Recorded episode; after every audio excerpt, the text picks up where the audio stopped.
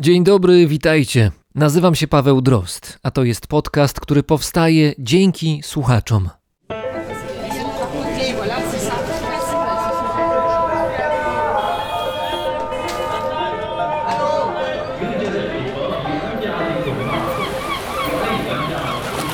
Brzmienie świata z lotu Drozda. Jakże często zdarza się, że odwiedzając dane miejsca, gdzieś daleko od domu, za granicą, koncentrujemy się na tym, co fizyczne, na atrakcjach turystycznych, na przykładach geniuszu natury, na znakomitych widokach czy widowiskowych budowlach. To nie dziwi, i jest niejako wpisane w poznawanie obcych nam stron. Jednak łatwo zapomnieć, że gdzieś tam, tam gdzie przyjdzie nam akurat się pojawić, również mieszkają ludzie. Co o nich wiemy? Tutaj łatwo o płytką wiedzę i powielanie stereotypów. A przecież ludzie tam, podobnie do nas tutaj, czymś żyją, mają swoją codzienność, o czymś rozmawiają i raz coś ich martwi, a innym razem coś ich cieszy. Tym odcinku przyjrzymy się ludziom, o których wiemy stanowczo za mało, a nawet jeżeli coś już wiemy, to jest to wiedza często zdezaktualizowana. A ta tradycyjna bajka, którą ich dzieci najpewniej znają, niech będzie początkiem nowego dla nas otwarcia.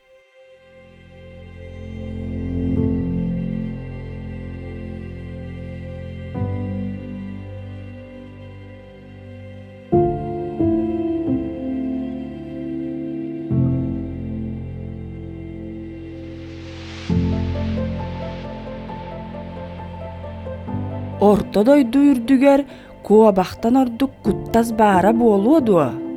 Баар эбит. Ону куобах бээте билбите. Куобах оюрга саха сылжан канна мутук тохуннун, канна чыжаах көтөн сары. Czy w świecie środkowym istnieje zwierzę bardziej strachliwe niż zając? Otóż istnieje. Przekonał się o tym nie kto inny, jak zając we własnej osobie.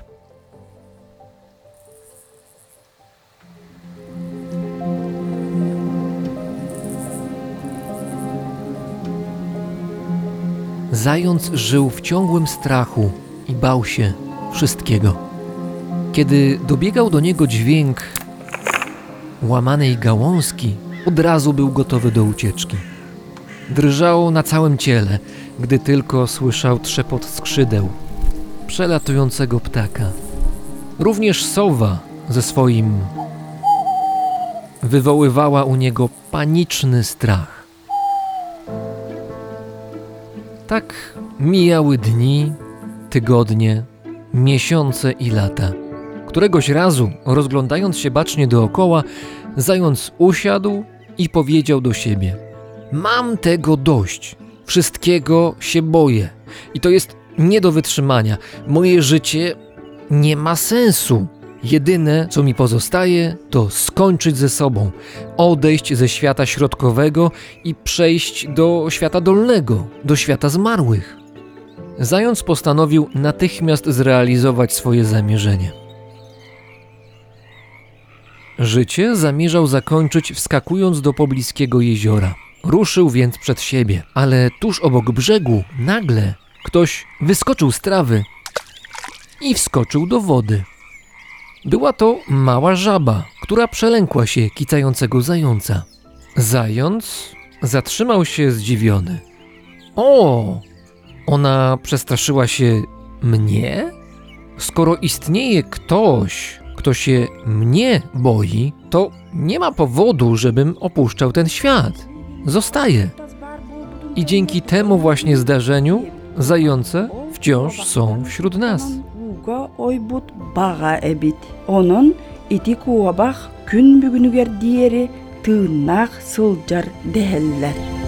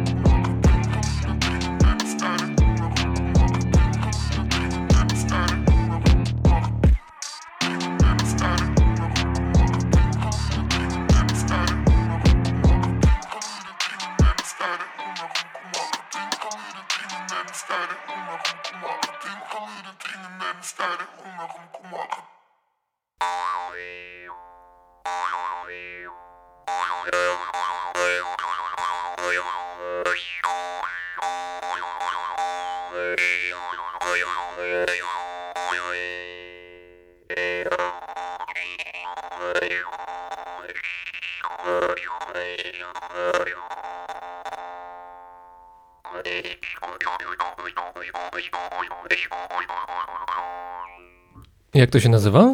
Komus. Komus. Komus. Komus. Jak humus, tylko przez o. Komus. Humus, jak humus, ale brzmi troszkę inaczej niż humus, oczywiście. Bardzo ładnie po polsku to byśmy powiedzieli, że to drumle jest. I pani mówi, że pani nie jest profesjonalistką, ale to brzmi tak dosyć profesjonalnie, nie Ale to ukrywam. jest tradycyjny instrument. Prawie każdy dostaje takie humus od rodziców, czy kto w rodzinie trzyma się tych tradycji. Więc dostałam od matki, no i improwizuję się na nim. Dźwięki natury. I to jest najważniejsze. Najwyższy poziom muzyki tradycyjnie to jest po prostu dźwięki natury. Bo z naturą zawsze byliśmy blisko. To może teraz rozpocznijmy naszą rozmowę oficjalnie. Będziemy w tej rozmowie na dalekich rubieżach Federacji Rosyjskiej, będziemy we wschodniej Syberii, tuż obok Czukotki. Będziemy w Republice Sacha. To jest republika dosyć ro- rozległa i żeby to unaocznić naszym słuchaczom, unausznić można powiedzieć bardziej, to trzeba powiedzieć, że tam trzy strefy czasowe e, można znaleźć w Republice Sacha i jakby tak e, tam Polskę wsadzić do środka, to jest 9 albo 10, Dziesięć. 10 razy Polska. Mieszka tam niecałe milion mieszkańców, więc można się troszeczkę zgubić. A razem z nami jest teraz i naszą przewodniczką po Republice Sacha będzie antropolożka kultury i psycholożka związana z Uniwersytetem Warszawskim, autorka wydanej niedawno książki, o czym za chwilę, dr Kyunej Takahai. Dzień dobry. Dzień dobry. Jestem przekonany, że duża część naszych słuchaczy, słysząc hasło Republika Sacha, to zachodzi w głowę, gdzie ta republika się znajduje, ale gdybym powiedział Jakucja, no to wtedy tak, lampka natychmiast się zapala i wiadomo o co chodzi. Pani postuluje, żeby starać się w miarę możliwości słowo Jakucja zapomnieć w pewien sposób, albo nawet zastąpić określeniem Republika Sacha. Tak, i zachęcam Państwa, żebyście sformułowali Republika Sacha, bo to jest nazwa własna. Jakucja jest niestety upowszechniona z czasów kolonializmu. Niestety też upowszechniła się w nauce, a teraz mamy dyskurs dekolonizujący, czyli pokazywanie innej perspektywy, nie tej kolonizującej, więc bardziej bym chciała, żeby z szacunkiem do tej perspektywy inności czyli ludów rdzennych, o którym zwykle nie mówią, oni nadal nie mają głosu, bardzo stereotypowa wiedza, wiedza, która jakoś ogranicza lub ktoś za nas się wypowiada. No i od tego jestem tutaj i chciałabym o własnej kulturze więcej powiedzieć i o współczesności, bo zwykle jest tak, że za dużo historii. I te stereotypy, które za Republiką Sacha, za Jakucją się ciągną. No bo jak Jakucja, to siarczyste mrozy i oczywiście dyżurny jakucki biegun zimna, wieś Ojmiakon, gdzie jakoby zanotowano najniższą temperaturę na świecie, jeśli chodzi o miejsce, gdzie na stałe mieszkają ludzie. A przecież nowy rekord w 2004 roku padł, prawda? Tak, tak. Ludzie ciągle jeżdżą do Ojmiakonu, tam jest niby ten rekord, a w miejscowości obok, chyba w jakiejś wsi. Wierchojańsk. Tak, tak, no, tam jest co, co roku są różne rekordy, ale ojmekoncy bardzo dzielnie popularyzują swoją Dbają o miejscowość. swoje, no to są też swoje, pieniądze, tak. oczywiście. Tak, teraz będzie festiwal wiosenny w Ojmiakonie i od razu w WhatsAppie od rana dostaję od nich, od organizatorów, no bo w tym roku nie mogłam pojechać z powodu Aha. pandemii niestety, ale znam się z nimi dobrze, więc e, przygotowujemy też taką naukową konferencję. Od rana jestem w kontakcie, WhatsApp grupa to działa no dzielnie, ojmiekonce. A zastanawiam się, czy nie irytuje panią i w ogóle pani współobywateli w Republice Sacha, że Republika Sacha, czyli na zewnątrz Jakucja, jest sprowadzana do tego jednego elementu, że zimno, zimno, zimno i Albo jakieś, szamani. jakieś szamani i leśne dziadki gdzieś tam w tajdze siedzą i polują na niedźwiedzie. I to jest koniec. To jest wszystko, co o Jakucji wiemy. Nie irytuje panią to? No oczywiście, dlatego wydałam tą książkę i próbowałam przez pana Wacława Sieroszewskiego, który już więcej niż 100 lat temu wyodrębnił bardzo ważne symbole w kulturze jakuckiej. To polski zesłaniec, To który tam pracował kilkanaście lat. zesłaniec. Spędził 12 lat w kraju Jakutów, jak on wydał po polsku książkę, a ja akurat jestem 12 lat w kraju Polaków. I wydałam swoją książkę. Co się zmieniło z czasów jego badań etnograficznych. Więc bardziej chciałam opowiadać, co się dzieje we współczesności, jak się rozwijamy, bo wtedy w ogóle była taka hipoteza, że te ludy rdzenne w ogóle znikną. Ich nie będzie. Albo zdrowotnie, znaczy nie przeżyją, albo kulturowo zasymilują, no bo chodzi o w ogóle małe liczby, jak na skalę globalną. 350, 250 tysięcy, potem stało 389. Mówimy o tym, Od- ilu, ilu ludzi Sacha było. tak, a jeszcze przecież my mamy maloliczebne ludy północy. Ludy, które liczą mniej niż 50 tysięcy. A tu mówimy o Ewenkach, Czukczach i tak o dalej. Jukagirzach, Dolganach, które też rdzenni na terytorii Republiki Sacha są. Bardziej na północy i te kultury nomadyczne. Więc mówimy o reniferach. Znów stereotypy, gdy mówią Sacha, to hodowcy reniferów. A to nie jest prawda. Jest tak, że tradycyjnie Sacha hodowcy bydla i koni. Koni to jest najważniejsze zwierzę w ogóle i w kulturze, i w duchowości. Takie święte zwierzę, łączące z turańską cywilizacją, która też się odbija w języku, czyli język Sacha należy do grupy altajskiej językowej i dalej to turkijska grupa językowa. Czyli tak samo jak Polska należy do słowiańskiej grupy językowej, no to Sacha do turkijskiej grupy. Znacznie bliżej wam jest do Mongolii niż do Moskwy, prawda? Tak, do Chin, do Alaski, proszę bardzo, bardzo blisko. To jeszcze powiem, że ta książka, o której wspominaliśmy, książka pani autorstwa, która niedawno została wydana, jej tytuł brzmi Jakuckie prace Wacława Sieroszewskiego i zmiany kulturowe narodu Sacha. Wspomniała pani troszeczkę, no, że na Republikę Sacha ma COVID-19 wpływ. Podejrzewam, że turystyka też padła i do Oymyakonu to za bardzo turyści w tej chwili nie jeżdżą.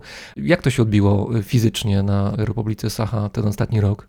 Najwięcej chorób było w Jakucku. No największe miasto to się nie ma co No, dziwić. Tak, a z Jakucka ludzie no, wyjeżdżają do swoich wiosek, prawda? Więc w taki sposób to się rozprzestrzeniło się. Niestety starsze, nasze bardzo znane e, osoby straciliśmy. W mojej rodzinie też kilka zmarło, tam ciotki, wujkowie. A pani pochodzi z zachodniej Jakucji, prawda? Ja pochodzę z nad rzeki Wiluj, czyli to jest zachodnia Duży Jakucja. dopływ Leny. Tak, i tam są też kopalnie No niedaleko Diamenty. Mirny. Jak daleko od pani wioski jest Mirny? Mm, Teraz trasy już takie dobre zrobili, bo jak ja w dzieciństwie tam jeździłam, no to najpierw Wilujem płynęliśmy rzeką i później samochodem. A samolotem to było gdzieś tam dwie godziny. Tak, na warunki No e, to jest lokalne to jest blisko, rzut kamieniem. Tak. Jak to wygląda u Pani e, na wiosce rodzinnej? To znaczy, czym się ludzie zajmują? Bo jakoś ludzie zarabiają, jakoś się organizują. Jak to wygląda w praktyce? No właśnie, więcej turyści jadą z Polski na przykład do Jakucku, tak? Więc znamy mniej więcej, co się dzieje w Jakucku, ale Jakuck to jest miasto, to, tam są piętrowe domy, sklepy, kina, kultura rozwinięta. Stolica, tak. najważniejsze miasto zawsze jest inne niż reszta kraju czy Dokładnie. regionu. A na wsi zupełnie trzymają się tradycyjnego życia, chociaż wieś też się rozwija. I tradycyjnie to było tak, że są taki kalendarz roczny, cały ustawiony przez tradycyjne życie. Czyli w lecie to jest najdłuższy letni dzień letniego przesilenia. Wtedy jest święto, największe święto tradycyjnie Ychach się nazywa. Ych, Ychach. ych, ych. Tak, po rosyjsku to Ysych, bo w rosyjskim nie ma litery H. Ychach. I w każdej jakuckiej wiosce jest Ychach. On może być rodzinny, czyli taki rodowy, klanowy. Potem wioski, samej wioski i dalej na już poziom regionalny, czyli ulusa, ulus to się nazywa, jak województwa na przykład, których mamy 34 i potem już na republikański poziom. A dalej we współczesności to dalej idzie po diasporach. W Moskwie, w Sankt Petersburgu i dalej w Europie, czy do, nawet do Ameryki. Więc to jest bardzo ważne święto. Polecam tam jechać właśnie w trakcie tego święta. I dlaczego w lecie? Związane było to z kalendarzem naturalnym, czyli sianokosem. Po tym święcie zaczyna się ciężka praca z sianokosą. Ile oni nazbierają tego siana, to oznacza, oni przetrwają przez zimę. A trzeba się spieszyć, bo to lato jakuckie Bardzo tak długie nie jest. krótkie, Dokładnie, bardzo krótkie. I poza tym tradycyjnie sacha można odnieść nie do nomadycznych, a półnomadycznych, bo bydło w zimie cały czas stoją w oborach, a w lecie to już wypuszczają dalej od tych wiosek, żeby oni więcej tej świeżej trawy mogli sobie. No i cała rodzina wyjeżdża gdzieś tam poza miasto do swoich alasów. To się nazywa takie miejscowości, pastwiska, tam jest jeziora. To jest po lodowcach jeszcze zostali takie bardzo ciekawe, przepiękne u nas w pieśniach śpiewane, czyli każdy sacha ma rodowe miejsce. I zwykle to się kojarzy z alasem. Każdy alas ma nazwę. Tam jest jezioro, dużo pastwisk i dookoła las, tajga. Więc żywią się w tych alasach. Tradycyjnie, historycznie w takich alasach zamieszkiwali. Czy to jest rodzaj osady letniej, dobrze rozumiem? Tak, tak. I zaczyna się sianakos, to jest bardzo krótkie lato. Wszyscy pracują na ten sianakos. Ile oni nazbierają tego siana, to oznacza, jak dobrze oni przygotowani na przetrwanie długoj zimy, prawda? Więc to jest bardzo ważne. I później zaczyna się przeprowadzka do wsi na jesieni. Nawet na Facebooku teraz można zobaczyć, bo u nas bardzo aktywne korzystają z mediów społecznych, WhatsApp, Facebook i wszystkie te telegramy, Instagramy. I można zobaczyć kalendarz, jak zaczyna kwitnąć na przykład jagody, czas na jagody. Wszystkie na Facebooku wystawiają, że oni wyjeżdżają na te zbieranie jagód. Czerwone porzeczka, czarna porzeczka, a tu potem sezon na poziomki. To wszystko się bardzo szybko musi dziać, prawda? Bo to ile, dwa miesiące na całość? Tak, ale to wszystko właśnie taki kalendarz już tradycyjny, na tyle ustawiony już w głowach nawet ludzie to mają, a teraz będzie sezon na to, bo inaczej jak oni nie zdążą, nie pozbierają tego akurat w tym czasie, no to nie będą nic mieli w zimie. Teraz w miastach inaczej może mieszkają, idą do sklepu, No kupują, właśnie. Ale zawsze naturalne ma zupełnie inny smak i to związane z tą wegetacją, z krótką wegetacją letnią. Te wszystkie jagody, nawet mięso zupełnie ma inny smak. Ryba ma inny smak w rzekach i, jeziorach. Teraz przyjechała tutaj znajoma i przywiozła słoik dżemu z naturalnego czerwonej parzeczki, no i zupełnie inny smak. Bo związane z wegetacją, z ekosystemem, z ekosofią i różnymi takimi rzeczami. naukowymi. Jest, jest ekologia, jest myślenie o naturalnych produktach, o tym, żeby to wszystko było prosto z ziemi i nieprzetworzone, ale z drugiej strony cień rzeczywistości, współczesności też się pojawia Tak. w Republice Sacha. Wspomnieliśmy o, o Mirnym, miejsce, które powstało w latach 50. z racji odkrycia złóż diamentów. Wielka dziura, którą wszyscy znamy z różnych jakichś zdjęć w portalach podróżniczych, która ma y, kilometr szerokości, ten lej taki, Największa E, dziura. Ponad w ziemi. 500 metrów głębokości. Tam nie wiem, czy odkrywka się jeszcze odbywa jakaś, czy to już jest zamknięte. To, jest zresztą to, to, to nie jest jedyne są- miejsce w ogóle. Tak, to ich jest kilka tych w Mhm. ogóle tych wielkich dziur, bo chcą diamenty na skalę światową sprzedawane. To jedna czwarta produkcji światowej diamentów w tej chwili pochodzi właśnie z Republiki Sacha. Tak. To się czuje w Republice Sacha, że ten przemysł gdzieś obok tej natury pierwotnej funkcjonuje dalej. No się pamiętam, że jeszcze kilka lat temu, jak rozmawialiśmy, to było krótko po tym, jak jakiś duży wyciek, skażenie chemiczne miało miejsce w, w pani rejonie, to znaczy tak, przy, tak, przy rzece. Wiluj, ale to się zdarza. Jeszcze w zeszłym roku, pamiętam chyba w czerwcu, co prawda to nie była Republika Sacha, tylko bardziej na północny zachód, niedaleko. Norylska. Tak, Tak, tam były też jakiś wyciek gropy naftowej z jakiejś Mhm. fabryki, też było zanieczyszczenie. Ale to się zdarza raz na jakiś czas, niestety, dosyć regularnie tam na miejscu. Dokładnie, to się zdarza i poza tym przecież wszystko to cieknie do rzek. Przez Wiluj cieknie do Leny, z Leny na arktyczny ocean, albo przez Inisej też. No i wszystko się rozprzestrzenia na skalę globalną, a ludzie o tym nie wiedzą i myślą, że gdzieś to daleko się dzieje, a tak generalnie to jest problem ludzki, w ogóle ludzkości, co się dzieje tam. Tradycyjnie ludzie pili wodę z rzeki, prawda? Mm. Właśnie wracając do tego kalendarza tradycyjnego, na przykład na jesieni też przygotują się do długiej zimy, przygotowanie wody. Jak to odbywa? Wody, a jak, jak Wody. wodę można przygotować? Lód. Jak świeża woda stygnie, no bo jest wieczna zmarzlina, podwójne zimno w ogóle. Ta świeża woda, przezroczysta, ona ma kolor taki niebieski, przepiękny, więc e, na jesieni, gdzieś w listopadzie, to odbywa też taka wspólnotowa przygotowanie lodu, wycinanie lodu z rzek czy jezior, gdzie najczystsza e, woda, no i potem te takie kostki już Bloki. bloki wody potem się zbierają na podwórku i każdy blok potem się wnosi do domu. Woda w Lód kostkach leży topnieje. sobie na podwórku i czeka na spożycie. Tak, tak. A duże są te bloki w ogóle? Teraz już w ogóle e, pilą też robią, Mhm. już, więc robią takie bloki bardziej wygodne, a dawniej to było wszystko robione ręcznie, Mm. siekierą. I są też takie różne urządzenia tradycyjne, takie teraz to już tylko w etnograficznych muzeach to można znaleźć, takie, które potrafi też wyciągnąć z wody, no przecież lód z wody się wyciąga. Więc niestety z rzeki Wiluj już od dawna nie pijemy wody. Z powodu tych zakażeń. A to jest naprawdę duża rzeka, ona ma chyba 2,5 tysiąca kilometrów, z Jak tego ja co byłam pamiętam. mała, my Olbrzymia. cały czas nad rzeką w lecie. Mm. Cały czas.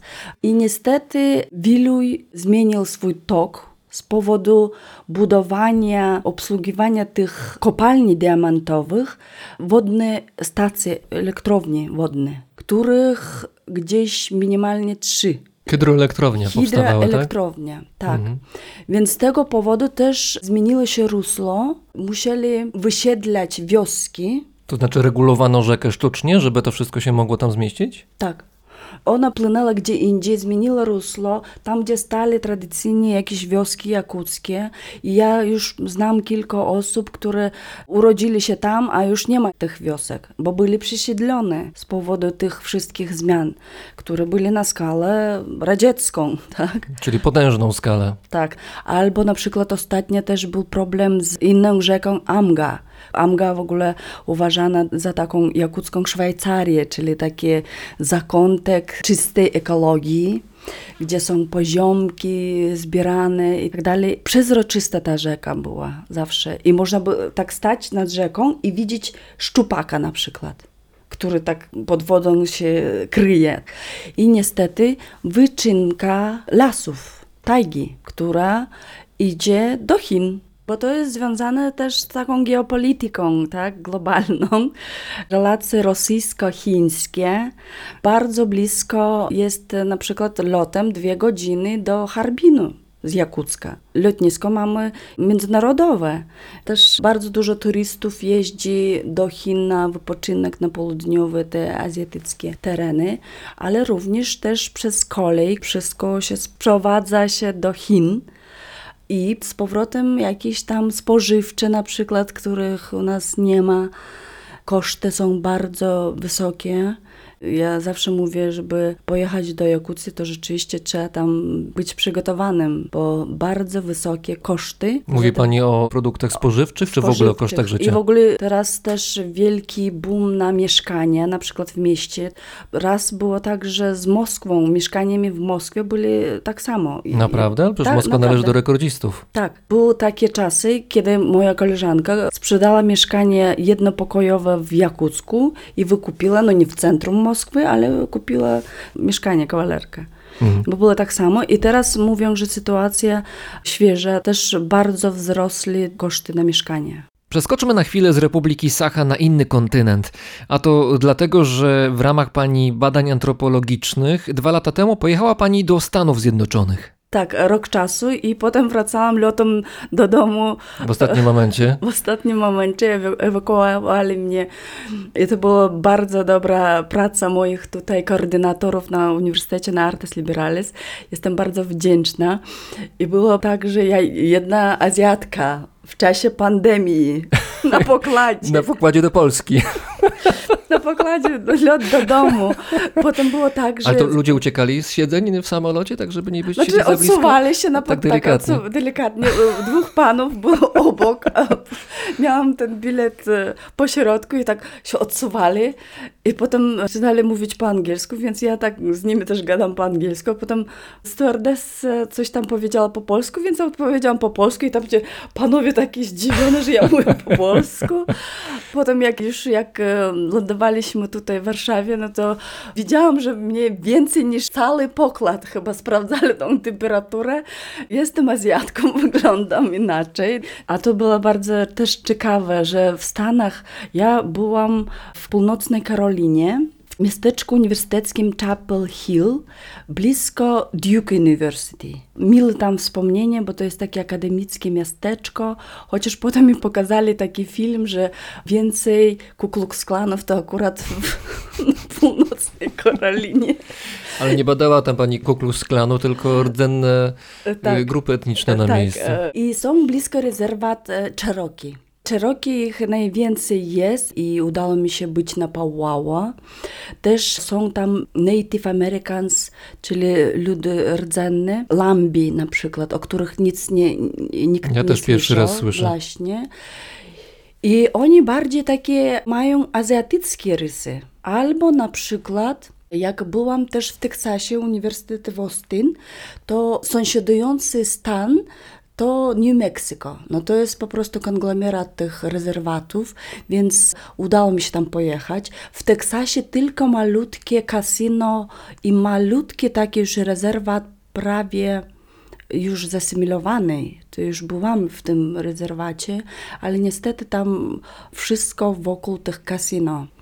W New Mexico na przykład e, rezerwat Navajo, bardzo ciekawe miasta Albuquerque, Gallipoli i tam trafiłam do Powwow. Naprawdę czułam się, jakbym byłam w Jakucku na Chychy. Bo oni wyglądają też na azjatyckie, e, mają takie azjatyckie rysy. Niestety już z powodu tej diety bardzo dużo otyłych ludzi i widać, że na przykład wzrokowe też problemy. Mówię o insulinowych takich Kwestia problemach. cukrzycy. Cukrzycy, tak. Ale naprawdę bardzo podobny, takie azjatyckie rysy. A Takie kulturowo czuła pani jakieś podobieństwa? No to, Kulturowo przepaść też odczuła. geograficznie. Nie. Nie? Bo Oni od razu mówią do mnie, jak ja mówię native Siberian, to oni od razu mówią, to jesteś kuzynką naszą, bo genetycznie to już jest potwierdzone. I oni sami tego nie ukrywają, że połączenie no to byli z azjatycką Syberią. Cieśnina Beringa była Tak. możliwa Było do połączenie fizyczne i ludy się mieszały, migrowały. Dokładnie. W Stanach na przykład, jak byłam w Waszyngton DC, też w Smithsonian Institute, dwa miesiące tam odbywałam ten staż badawczy. Tam pokazywali mnie, jakie mają w archiwach Native Americans te rzeczy historyczne. Garciarskie rzeczy. Ceramika? Ceramika. Potem strzały, Mhm. strzelby, czyli metal, tak? To w ogóle też bardzo było podobne na przykład do naszych tradycyjnych, bo u nas przecież jest bardzo dobrze tradycyjnie wykształtowana ta kultura metalu. Obrobienie metalu, o którym Sieroszewski też pisał. I uczył się u naszych kowali. Ozdoby jubilerskie jakuckie, przepiękne. Każda ozdoba zrobiona z metalu i koronkowana po prostu. No i broń, noże, sacha jakuckie No to, to jest, znane to jest moje marzenie. Proszę Tak. mi nie mówić, żeby mieć jakucki nóż, naprawdę. Nie I żartuję. naprawdę stało na, bardzo drogie. Musimy porozmawiać, może pani zna jakiegoś producenta, który jakiś Tak, rabat tak, ewentualnie weźmie pod uwagę. Tak, ja już przywoziłam. Porozmawiamy o tym naprawdę, bo nadzieja moja zaczyna rosnąć. Od kilku lat myślę o tych nożach jakuckich, Pan naprawdę. powinien tam pojechać. Ale ja już nawet chciałbym, ale Tak, nie, no nie ma tak. możliwości. E, e, Tak, też e, już marzymy od dawna pojechać tym tropem Sieroszewskiego. Mhm. Przecież on zrobił takie przepiękne te badania, które już mogą być klasyczną Bo on był, Sieroszewskim był dla Republiki Sacha, czy dla ludu Sacha, tym, kim Bronisław Piłsudski dla Ainów w północnej Japonii, prawda? Tak, my mamy, Tego tak, typu postać. I tutaj pojawia się w polskim rozumieniu konstrukt, pojęcie Sybir. Syberia to jest zupełnie coś innego, co my rozumiemy, bo to jest wielokulturowy teren. To nie jest jedno miejsce. To nie jest jedno miejsce i o tym też nie ma wiedzy. I to jest, też jest taka kolonizacja wiedzy. Ale to jest właśnie niesamowite, że używa pani słowa kolonizacja w kontekście miejsca, które z kolonizacją wydawałoby się nie ma nic wspólnego, bo kolonizacja kojarzy się z Azją Południowo-Wschodnią, z Afryką oczywiście, z niektórymi częściami Ameryki Południowej, no i północnej zresztą tak samo. A tutaj mówimy o Syberii w kontekście kolonializmu. Tak, oczywiście. Przecież to jest historyczne dane. Ja po prostu konstatuję to, co jest, pokazują nam historię, dokumenty i dane historyczne, naukowe. Podbój Syberii, przecież cała geopolityka, przecież jest Ameryka Północna, północna Kalifornia, przecież ona była ruska, jest rzeka ruska w północnej Kalifornii, proszę bardzo. Jest Fort Ross w północnej Kalifornii, nazwy rosyjskie. Też można spotkać ludy rdzenne w północnej Kalifornii i na Alaskie o rosyjskich nazwiskach. Oni byli chrzczone. I u nas tak samo kolonizacja przychodziła z religią, wraz z religią. Mówimy o kolonizacji rosyjskiej cały czas. Tak, i ona przychodziła z religią na tereny rdzenne, azjatyckie. I też czasami, e, jak mówimy o kolonizacji wiedzy, czy historycznej tej kolonizacji podboju ziem lądowej, to teraz jest pojęcie takie neokolonializm albo postorientalizacja. I wtedy my mówimy o tych stereotypach, gdy rzucamy nie do końca rozumiejąc sytuację, że Syberia jest pojęcie w ogóle wielokulturowe. Są tam rdzenne ludy zupełnie o innej kulturze, na przykład Buriaci czym się różnią od Jakutów. Ja próbuję wprowadzić tych zesłańców politycznych, ich badania i w ogóle rolę. Przecież przez zrzucanie tych intelektualistów politycznych próbowano cywilizować te ludy rdzenne. Właśnie, bo Sieroszewski miał swoje dokonania, dalej ma dla Republiki Sacha i ludzi Sacha, ale też był człowiekiem z zewnątrz, był jakoś kolonizatorem. Nieintencjonalnie, to znaczy nie chciał być taki, ale kimś takim był. Jest w tym bardzo dobrze pojęcie wrocławskiego czy poznańskiego naukowca, Polaka, który wymyślił pojęcie skolonizowany kolonizator. Czyli on nawet nie chciał tego robić, ale był przez system kolonizacyjny wprowadzony do prowadzenia tych e, kolonizacyjnych zmian. Ale ja wybrałam bardzo świadome postać Sieroszewskiego w porównaniu do innych zesłańców politycznych, tak? Oni byli różnorodne. Tam trafiali eserowcy, narodowcy, Żydzi, socjaliści. Różne mieli poglądy, Różne zupełnie. Po, o tym też nie ma, nie mówią zwykle, że jak mówią o Syberii, to gdzieś tam jego zesłali i on tam siedział. Nie, to nie jest prawda. Poza tym system kolonialny korzystał z tych intelektualnego potencjału. Na przykład postać Piekarskiego, który był redaktorem słownika jakucko-rosyjskiego. Czyli on zbierał wszystkie materiały o jakuckim języku i wydał kolosalną pracę, jedno z pierwszych słowników ludów turkijskich. I nawet Ataturk, ten znany, Mhm. on dla reformy swojej w Turcji wysłał do Jakucji swoich naukowców, żeby koniecznie znaleźli ten słownik, żeby wyczyścić język turkijski, który ma sporo arabizmów, że te Sacha zachowali najbardziej starożytne turkijskie Jako słowa. punkt odniesienia, jako wzór. Dokładnie. I to był pierwszy słownik. I to jest kolosalna praca polskiego zesłańca, bo on był zesłany po tych em, Powstania. powstaniach. I później Piekarski został w Sankt Petersburgu i tam zmarł. I tam pochowany i dba o tym jego grobie jakuckie przedstawicielstwo w Sankt Petersburgu. Takie są losy. Poza tym, jak w czasach radzieckich nie budowano lagrów, tam nie było lagrów i ich wprowadzano do, do jakuckich rodzin po prostu do domu, kwaterowano i koniec. Trochę na siłę. To znaczy Na i, jed, siłę. Jedni i drudzy nie mogli nic powiedzieć. Przeżyje ten, który przeżyje z tych kolonizowanych tych zesłańców albo tych miejscowych. A wygrywa kto? Kolonializm, system. I koniec. Ich rzucają do tego worku i niech przeżyje silniejszy. Tak to system kolonizatorski działał. Przejdźmy do, do współczesności. Bardzo mnie interesuje Sahawood, czyli na podstawie słowa Hollywood powstało to słowo właśnie w Republice Saha. Bollywood. Boli. Bollywood, Sahawood, jeszcze Nollywood, jeszcze jest w Nigerii, a tutaj mamy Sahawood. No właśnie, bo zdaje się, że od kilku dobrych lat w Republice Saha kinematografia ma się znakomicie. To nie jest tak, że tam są produkcje, które kosztują setki tysięcy dolarów, wręcz przeciwnie, to kosztuje kilkanaście tysięcy dolarów czasami. Często pracują przy tym amatorzy albo półamatorzy, ale ludzie chcą, ludzie potrafią i robią coraz lepsze filmy, które nie tylko zdobywają publiczność na miejscu, bo wiem, że filmy z Republiki Saha tam produkowane często w kinach są popularniejsze niż produkcje z zewnątrz. I kasy więcej robią Zarabiają. niż hollywoodzkie filmy Tak, czasami. ale też wychodzą, wychodzą te produkcje też na zewnątrz, że się pojawiają na festiwalach zagranicznych, rosyjskich, gdzieś coraz bardziej wychodzą, gdzieś słyszałem, chyba w Korei był jakiś pokaz. Berlinale. Tak. Jak to jest możliwe, że w Republice Saha, gdzie jest milion mieszkańców, gdzie y, Nie ma ludzi... milionu. No, nie, nie cały milion, tak. Dzie- 986. Tutaj, tutaj tysięcy. trzeba być precyzyjnym. Y, Tak, dobrze, że mnie pani poprawiła. Z samych ludzi Saha będzie 460, 50, 50, 60. więc pół miliona ludzi. I w tej chwili robią filmy na potęgę. Na podstawie właściwie takiego pospolitego ruszenia. W ogóle to są różne gatunki. Ja bardzo chętnie bym zobaczył horror jakucki, O naprawdę. tak, o Widziała pani? sporo. Ale proszę mi coś opowiedzieć, bo ja podejrzewam, że, że gdzieś tam ta mitologia jakucka tradycyjna gdzieś pewnie w tych horrorach ma swoje Dokładnie, odbicie. Dokładnie. I tutaj mamy się cofnąć, bo bazą wszystkiego jest Oloncho, czyli jakucki epos.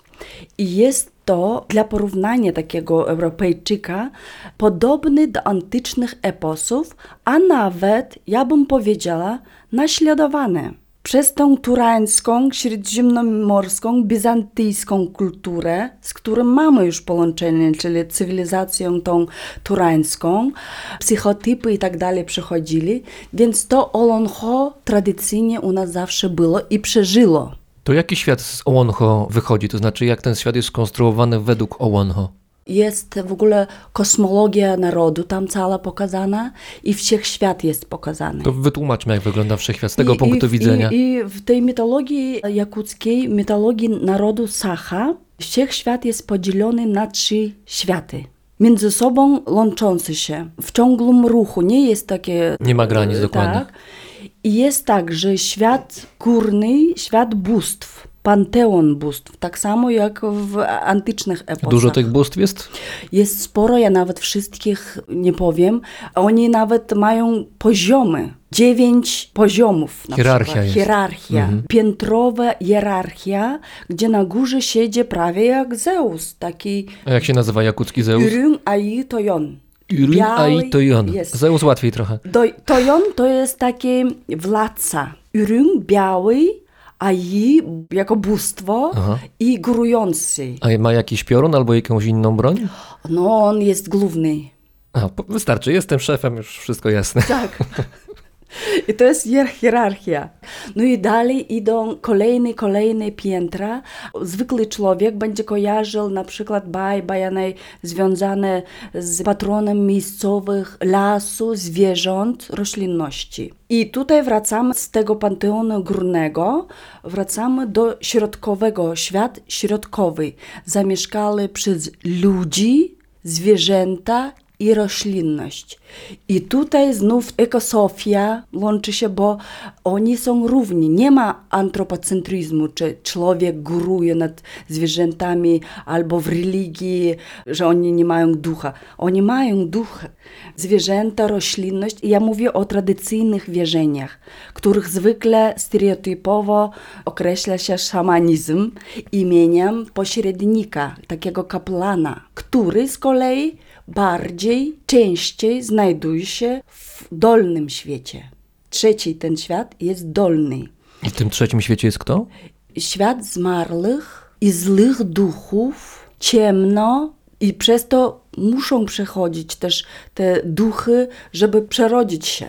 A szamany to jest postać, która łączy się między światami, bo oni mają taką możliwość Umiejętność? umiejętności przechodzić, jego duch może przechodzić na zwierzęta i on może stać orlem, ptakiem, wroną, wilkiem, tymi świętymi psychotypowymi zwierzętami, które dla jakuckiej kultury dużo symbolizują. I w taki sposób mogą podglądać, co się dzieje w górnym świecie, mogą podglądać, co się dzieje w środkowym świecie, w świecie roślinności, w świecie zwierząt, w świecie ludzi. Może też przechodzić na ten dolny świat, co się dzieje. I potem informuje, kogo potrzebne, żeby tak były czuli ludzie na przykład, tak? I tradycyjnie rzeczywiście ludzie byli zawsze bardzo czuli do natury, bo przecież z natury przyszedłeś, jest też cząstką natury. I to jest bardzo ekosowskie, ekologiczne te ruchy nam współczesnych przypomina. Ja na przykład w dzieciństwie pamiętam, jak do 10 lat ja rosłam na wsi. W ogóle dla mnie zawsze kojarzy się z Arkadią. To jest miejsce mojej dzieciństwa, w ogóle bezpieczne czułam, bo cała ulica, ro- rodzina, ciotki, wujkowie, wszyscy znają moich rodziców, no i wszyscy pomagają, wszyscy edukują wokoło, to jest też wspólnotowa edukacja to się nazywa. I do tego, jak w Stanach byłam, to do tego wracają po prostu, wracają do animizmu. Wszystko kręci się wokół natury. Nie ma tak, że wokół człowieka, wokół natury. Przecież we wszystkim szukamy balansu. Wszędzie, jak robimy wielkie rury, wielkie na skalę światową dziury w ziemi i dumne z tego, że tą dziurę zrobili, ale to jest ekologiczna katastrofa, zmiany klimatyczne, bo system jest zepsuty, system ekologiczny, ekosoficzny. Wróćmy jeszcze do filmów, bo mnie to interesuje. Tak. Odeszliśmy troszeczkę od tego wątku. Tak. Jakiś horror, gdyby pani opisała mniej więcej fabułę. Horrory są łatwe z natury rzeczy do opowiadania, bo to ktoś przychodzi, jest wszystko w porządku, nagle pojawia się jakiś stwór, wszystkich zabija i nie wiadomo o co chodzi. Ale domyślam się, że w przypadku jakuckich filmów w ramach Sachałut to wygląda jeszcze inaczej. Tak, to jest zupełnie inaczej. Znów wracając do eposów Oloncho, w których ten świat zawsze zbalansowany i zawsze jest tak, że tu pokazujemy świat bóstw, tu pokazujemy świat ludzi, zwierząt i roślinność, a tu pokazujemy ten horror. I poza tym pojęcie szaman czy tych e, potworów to zawsze u nas było takie tabu. Nie można przyciągać tego. Mówiono nam, tak? Jak my, ma, małe dzieci, nie opowiadajcie za dużo tych potwornych, horrornych opowiadań, które bardzo dzieciaki tam lubią. A teraz ludzie do kina chodzą na tak. to. A teraz rzeczywiście mogę opowiedzieć o takim filmie Mappa, który był jednym z pierwszych filmów wytwórni filmowej, który akurat w latach odrodzenia się pojawił, czyli w 90. To początek, Początek-. A Sachawód właśnie.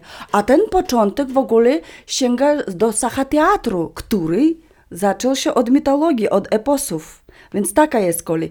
Najpierw eposy, Oloncho, potem powstaje teatry, powstają w czasach e, zeslań Sieraszewskiego, tych zeslańców, intelektualistów, takich... XIX wiek. XIX wiek.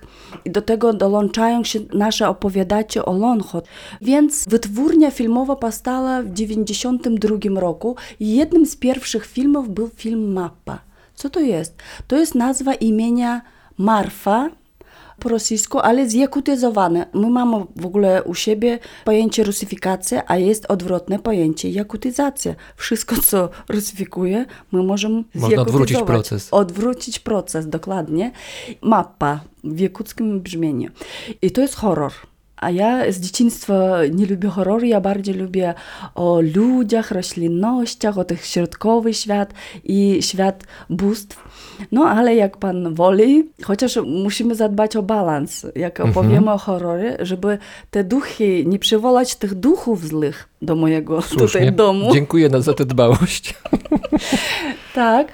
I w tamtych czasach tradycyjnych, no to byli związki robione majątkowe, tak samo jak w Polsce w tamtych czasach.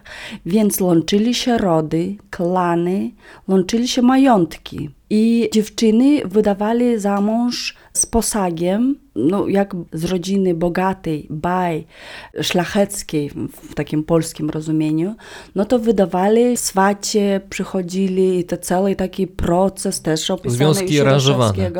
Tak. A ona nie kochała tego, którego jej znaleźli, a kochała innego zwykłego takiego chłopa. No i w te historyczne czasy w ogóle bardzo było ciężko. Ona musiała po prostu przeprowadzić się do tamtej rodziny, męża i już nie miała żadnych tam prawie praw. Jedyne, że to zależało od majątku. I dlatego bardzo było ważne w rodzinie Sacha, żeby zadbać o ten posag panny młodej. Od tego zależał jej późniejszy status w rodzinie nowej. Dokładnie, żeby tam szanowali ją i tak dalej. No i ta mapa niestety popełniła samobójstwo, co w jakuckiej tradycyjnej kulturze zdradziła przodków. Bo u nas bardzo ważne te duchy przodków, które trzymają nas i wspierają nas.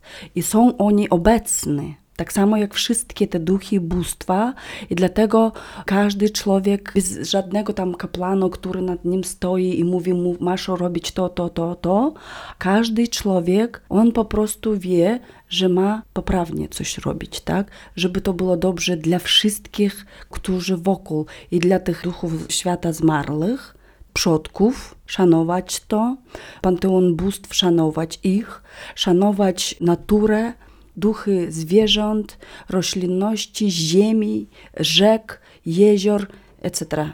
No i niestety ona zmarła i ten jej duch bardzo długo nie mógł się uspokoić. No i ten film był zrobiony, że ona się tak pojawia, jak ta biała dama na przykład. Duch białej damy w polskich opowiadaniach strasznych. A teraz do mnie przez Messengera do mnie piszą, bo ja mam kontakt z nimi ciągle i z filmowcami, i z teatru, i tam wszystko, co się dzieje kulturowo i naukowo. No to do mnie napisał reżyser tamtego filmu Mapa i powiedział, że oni teraz chcą robić ten reprint Remake, to znaczy jeszcze Remake. raz robią? Tak? Remake, bo wtedy było strasznie popularny ten film, Mhm. ten mapa. I że oni chcą remake i chcieliby, żeby ja popracowała nad scenariuszem, bo ja też, moim marzeniem jest sztukę teatralną w Polsce zrobić po opowiadaniach Sieraszewskiego na przykład, bo naprawdę bardzo ciekawe.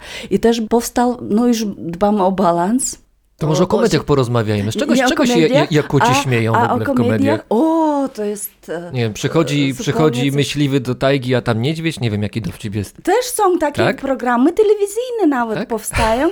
Bajki z polowania. Bajki z polowania. Bajki z polowania i zbierają się takie mężczyzny, znaczy takie myśliwe, Mhm. Ale u nas prawie sezonowo też kalendarz e, Mhm. tradycyjny, tak? Na wiosnę i na jesień. No nawet w mieście już nie ma mężczyzn, bo wszyscy wyjechali na polowanie. Sezon polowania. Teraz ciągle ograniczają czas ten polowania, ale u nas tradycyjnie brano z natury tyle, ile potrzebujesz, nie więcej tyle, ile potrzebuje wspólnota, tak, żeby przetrwać. Ale wracając do filmów, do Sacha Wood, jak z, ze swoją siostrą wczoraj też w czacie rozmawiamy, a ona w Jakucku, ona mówi, a to znów ten film Pugala, Potwór, wygrał rosyjski festiwal filmowy. Ta moja siostra mówi, nie, ja już nie chcę tych strasznych dram, to jest bardzo takie jakuckie, potwory, horrory, nie lubię tego. Ja lubię to romantyczne, takie tak i tak dalej, wszystko dobrze, pozytywnie, bo i tak dramatów mamy w życiu codziennym, mówi, że dużo. No i wracając do filmów, No ja czekam cały czas na dowcip jakucki. Kom- Koniecznie. komedię bardzo ciężko, w ogóle w każdym języku najwyższy poziom języka, jak obcokrajowiec na przykład uczy, to jest poziom komediowy, satyry. Zrozumieć niuanse, żeby zrozumieć dowcip. Dokładnie. I bardzo ciężko tak samo zrozumieć na przykład w innej kulturze sacha humor. Ale tak naprawdę bez tego humoru, moim zdaniem, ludzie sacha by nie przetrwali w takich ciężkich warunkach. Proszę mnie uwierzyć. I oni mają taki dobry humor. W każdej sytuacji potrafią znaleźć coś pozytywnego. Jak jest dramatyczna sytuacja, no to potrafią dać jakąś taką replikę, króciutką i strzał w dziesiątkę i po prostu ha, ha, ha i wylizować. My mamy w Teatrze Narodowym w każdej wiosce. Wiosce. Tak. W każdym ulusie, w każdej wiosce jest centrum kultury, klub tak zwany. Przy każdym centrum kultury działa jakieś tam ognisko, ośrodek, bo my mamy tą wizję epicką, poetycką. Opowieść jest ważna. Tak. I przykazanie, żeby byli słuchacze. Poza tym w czasach radzieckich już mieliśmy dość, że cały czas no, pokazują tylko takie rosyjskie historie. Też Sachowód powstał, żeby opowiadać swoje historie, własne, o sobie, a nie ktoś o nas mówi, przyjeżdża tam, nakręca i wyjeżdża, potem zapomina i koniec. Więc postanowili kręcić swoje filmy na podstawie swoich historii, swojej literatury, swoich eposów, no i komedii Keskil. Keskil To jest imię głównego bohatera. To jest bardzo komiczne. W ogóle fizjonomia, jego twarz, on był taki, trochę taki gruby, oczy takie bardzo wąskie, takie bardzo takie tradycyjne i już samym wygląd był taki śmieszny, taki satyryczny. No i jego te różne przyключenia, czyli przygody. Dalej będę drążył. Co śmieszy ludzi w Republice. Sacha? No idzie człowiek, pośliźnie się na śniegu i zrobi dwa fikołki, się uderzy w głowę i ha, ha, ha? Czy jednak jest jakiś inny rodzaj dowcipu tutaj funkcjonuje? Mimika, bardzo ważna. Teraz e, mam takiego bardzo dobrego przyjaciela na Facebooku, który pisze od czasu do czasu takie krótkie esee na temat, co się dzieje w Jakucku w ciągu zimy. I to jest humor, niby taki latentny, skryty, to jest bardzo taki I on opowiada, jak ludzie witają się w zimie w Jakucku. Jak to wygląda? Noc polarna, czyli prawie nie ma słońca w ciągu doby. Mgła do tego, w ogóle nic nie, nie, nie widać samochodu, który jedzie przed tobą. No i ludzie muszą cały czas być spięty, no ale to jest przyzwyczajenie, już taka ekosofia, życie w tym, bycie w tym. No i on bardzo fajnie to opowiada. No, że jest 27 styczeń, kolejny dzień, w tym roku było bardzo zimno, kolejny dzień minus 50, strasznie zimno. Wszyscy ukryci, nie mogą oddychać. Do tego jeszcze maseczkę teraz wprowadzili pandemię. W zimie to jest normalne, te maseczki nawet fajnie uratowali, bo zawsze w zimie jest człowiek tylko oczy, futrzane te znaczy czapki. Czapy. Teraz ekologiczne się zrobili, więc mniej tych e, futer, a są e, takie puchowe kurtki. Alaska, czy tam fińskie i tak dalej. Kanada Goose, o, u nas bardzo lubią modne się ubierać. Więc on mówi, że no już mgła, idzie człowiek, skrzyp, nic nie widać, mgła, ciemno, idzie człowiek, ale ja widzę, że on mi przez te wąskie, wąskie szczele oczy, on mi mówi, cześć, jak ty tam? A ja go rozumiem. Muszę e, szybko iść, ale to jest po prostu chwilka, tak? Przychodzi przechodzień i tak rozmowa oczy, że cześć, jak tam? Czy żyjesz? No trzymasz się? No to ja też. I taki dialog. I to było bardzo śmieszne. No i to można przez film też bardzo fajnie pokazać. Republika Sacha to jest miejsce, gdzie nie tylko ludzie Sacha mieszkają, no bo ten niecały milion, 980 tysięcy, tak, dokładnie tutaj liczmy. I oprócz tego rzeczywiście są Rosjanie, bo to nie dziwi, ale są też ludzie, przedstawiciele innych grup etnicznych, które już wspomnieliśmy, Ewenkowie, e, Eweni, Juka- tak, oni Eweni, są, Czukcze. Ewenkowie i Ewenie to są dwie Tak. różne inne narodowości. Jak te grupy ze sobą razem współpracują? To znaczy, czy jest tutaj jakiś rodzaj wsparcia, czy żyjecie osobno w sensie kulturowym, czy następuje asymilacja, czy wręcz przeciwnie, okopywanie się w ramach swoich granic? Jak to wygląda? No wyliczymy Ewenkowie, Eweni, Dolgani, Czukci, Jukagirzy. Pięć tych ludów rdzennych Republiki Sacha, które mieli swoje kulturowe odróżnienie. To są nomadyczne, czyli hodowcy reniferów. Sacha z kolei hodowcy bydla rogatego i koni. Więc to jest zupełnie inne ekosfery, które dopełniają się nawzajem i tutaj multikulti, powiedzmy, istniało zawsze. W tym sensie można się pouczyć o dyplomacji u naszych ludów tak naprawdę. Do XIX prawie wieku język Sacha był lingua franca dla komercyjnych rzeczy, bo zawsze Wymiana był handlowa. handel nawet ze Stanami, Alaska i tak dalej, te tereny, z Chinami, z Japonią i tak dalej, z Koreą, to handel zawsze był. I zawsze były tropy, trakty na podstawie myślowskich traktów. Są Myśliwskich? myśliwskich traktów, potem reniferskich traktów. Więc Jakutsk to jest dosyć stare miasto, gdzie cały handel był skupiony. Więc z Jakucka na koniach jechali i jeszcze były po tych traktach takie, gdzie zmieniali tych koni, tak? Nocowali, zmieniali koni, koni odpoczywali i tak dalej, dalej. Potem przychodziło to na renifery. I dlatego te maloliczebne ludy rdzenne musieli znać język jakucki. Potem do tego dodaje się rosyjski. Cała sytuacja też asymilacyjna ona tam działała. Teraz industrializacja też wprowadzona na tereny wielkie tundry. Więc kurczy się ta kultura hodowli reniferów, niestety. Kurczy się, bo dzieci w czasach radzieckich sprowadzano do internatów, do wiosek. Oni byli od rodziców odłączeni, bo rodzice są w stadzie, tak? Więc żeby edukować ich, to ich zostawiano albo w miastach, albo w tych wioskach takich bardziej skupionych i mieszkali bez rodziców, więc oni rusyfikowali się w ogóle. Albo na przykład rodzice sami decydują, chcą lepszego losu, wysyłają do miast, żeby to dziecko nie miało takiego ciężkiego życia i takiej ciężkiej pracy, Już potem nie jest... wraca pewnie. Tak, niestety taka sytuacja, więc na południu to jest Eweni, bardziej na północy Dolgani, Jukagirzy, Czukci, już po stronie Czukotki.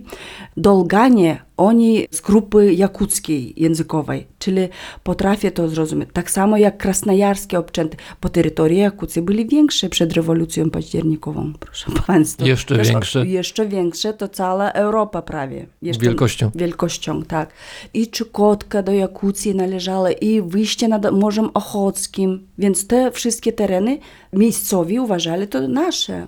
Więc sytuacja maloliczebnych ludów rdzennych jest ciężka, ale wewnątrz Republiki Sacha są okręgi, tak, określone jako autonomiczne okręgi, tam ewenkijski na przykład, ewenebytantajski też mamy i tam oni w języku rodzimym mają zajęcie, albo nauczyciele jadą do stad tam. Zastanawiam się, jaką puentę moglibyśmy zaproponować naszym słuchaczom na koniec. Na pewno, żeby zapamiętali, że Republika Sacha to lepiej niż Jakucja. Jakuci to też po prostu Sacha, można mówić. To jest nazwa własna, oni Sacha, a potem Jakuci. A poza tym oglądajcie horrory i komedie jakuckie. Filmy jakuckie, dramaty jest bardzo ciekawe, Mm. bardzo ciekawe dramaty. Polecam. Słuchajcie Homusa. e, Nie Homus- mylić z humusem. I teraz e, na YouTubie można znaleźć sporo wirtuozów gry na homusie. Na przykład bardzo znana Dykteriowa, Ayarhan, grupa Ayarhan. I ona się od razu pojawi. Juliana Krywaszapkina. Utaj na przykład, która przyjeżdżała na festiwal tutaj w Warszawie również. Ona ma ukraińskie pochodzenie, ale zjakutyzowana. I z wyboru zajmuje się właśnie homusem. Także bym zaproponowała współczesną muzykę. Rock, sacha rock. O, I raperzy też się zdarzają, prawda? W ogóle szeroki przekrój muzyczny. tak, Współcześnie. ro, rockowa muzyka, potem pop muzyka u nas bardzo rozwinięta. Takie miejscowe disco polo, takie Mhm. miejscowe jest... Jakuto Polo? Jakuto polo, sacha polo. Sacha Polo. I rap i reggae. Reggae. Reggae, reggae, tak. Reggae, syberyjskie reggae, no wiadomo, normalna rzecz. Sacha reggae. Sacha reggae. to jest ogólne w ogóle. Tam jest strasznie dużo e, różnorodności i dlatego trzeba się jeszcze w tej Syberii rozróżniać, czy to jest Sacha reggae, czy to jest ewenckie. Ale ma Pani rację, bo ja też mam coś takiego i wydaje mi się, że mam jakąś wrażliwość na, na te kwestie, o których mówimy, ale też no właśnie złapała mnie Pani na tym, że powiedziałem syberyjskie czy sybiriskie, a przecież nie mówimy o tym, że to się dzieje w Europie, jeżeli mamy na Ogólnie. myśli Polaków na No przykład, właśnie. tylko mówimy, że się dzieje w Polsce, nie w Europie. Tak samo tutaj powinniśmy mówić, że się w Republice Sacha coś odbywa, a nie generalnie w Syberii, która wielka jest Tak. przecież. A u nas bardzo w ogóle strasznie aktywne Sacha, Jakuci, IT, gry komputerowe. To mamy już takie firmy na e, skalę światową. Też takie odpowiednik Ubera, to jest z mojej klasy, który już zrobił miliard. Odpowiednik Ubera w Azji Południowej, w Afryce. Jak się nazywa ta firma? InDriver. Mhm. InDriver i też Mytona, to jest gry komputerowe, no i tak dalej, więc dużo się dzieje. Nie tylko Ojmiakon i biegun zimna, prawda? Skończmy już z tym, może już wystarczy. Bardzo Pani dziękuję za miłą rozmowę, nie tylko kinematograficzną. Razem z nami była dr Kyunei Takahai, antropolożka kultury i psycholożka związana z Uniwersytetem Warszawskim. Ciągle w Warszawie od 12 już prawie lat, prawda? Już 13. Bardzo dziękuję. Dziękuję bardzo.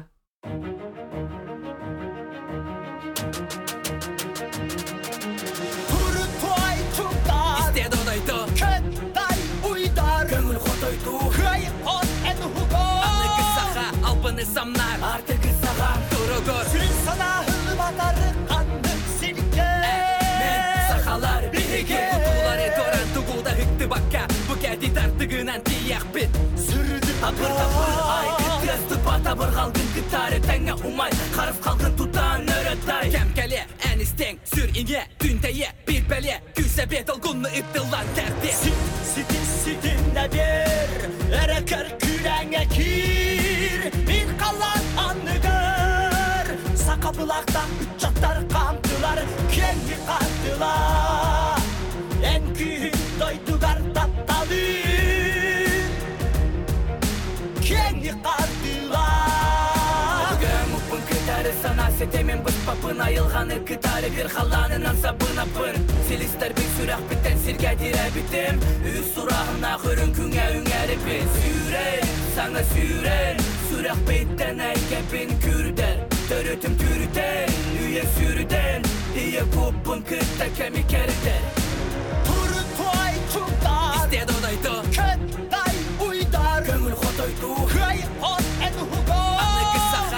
sanırsamlar Artık sağa doğru dur Sürün sana hılım atarı anlık sinke Sakalar bir hikaye. hiki Tutuları doran tuğuda hüktü bakka. Bu geldi tartıgınan tiyak bit. Sürün bulaqdaq Saxaryan ataq Qudaqıdana xarıl xayxaraqda Amuqumada ürdük Ərə görəydin günün Sürgən bütün nübəriner Bu küzgə döydüm gündü Bilgin minə gəldim davatar Döydü bu dedirin davadım Bu yerdə bu qadın savadam Xəlbardır beydə doxta Badılı hindim sel Tustaq bitirdi göydə bil dular Kim gördür bunlar Ondan dur toy çubda Kuru toy çubda İstəyədə odaydı Köt day uydar Gönül xodaydı Hıy on en hugo Anı qısaxa Albanı samna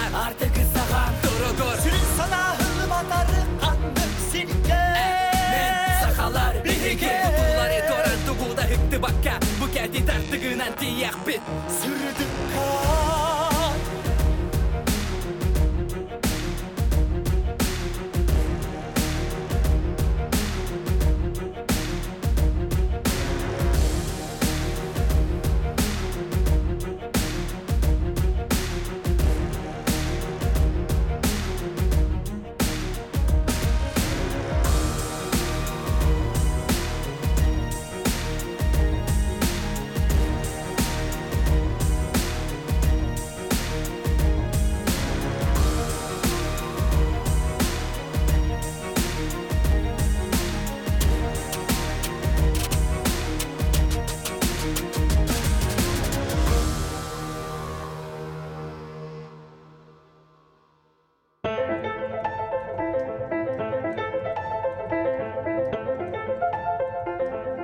Słuchaliście 48 odcinka Brzmienia Świata z lotu Drozda. To podcast, który powstaje i istnieje dzięki słuchaczom.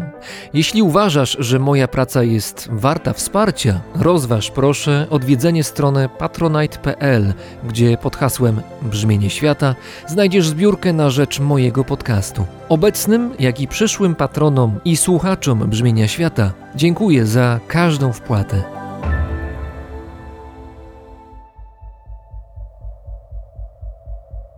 Paweł Drozd, czyli ja, mówi Wam dobrego dnia.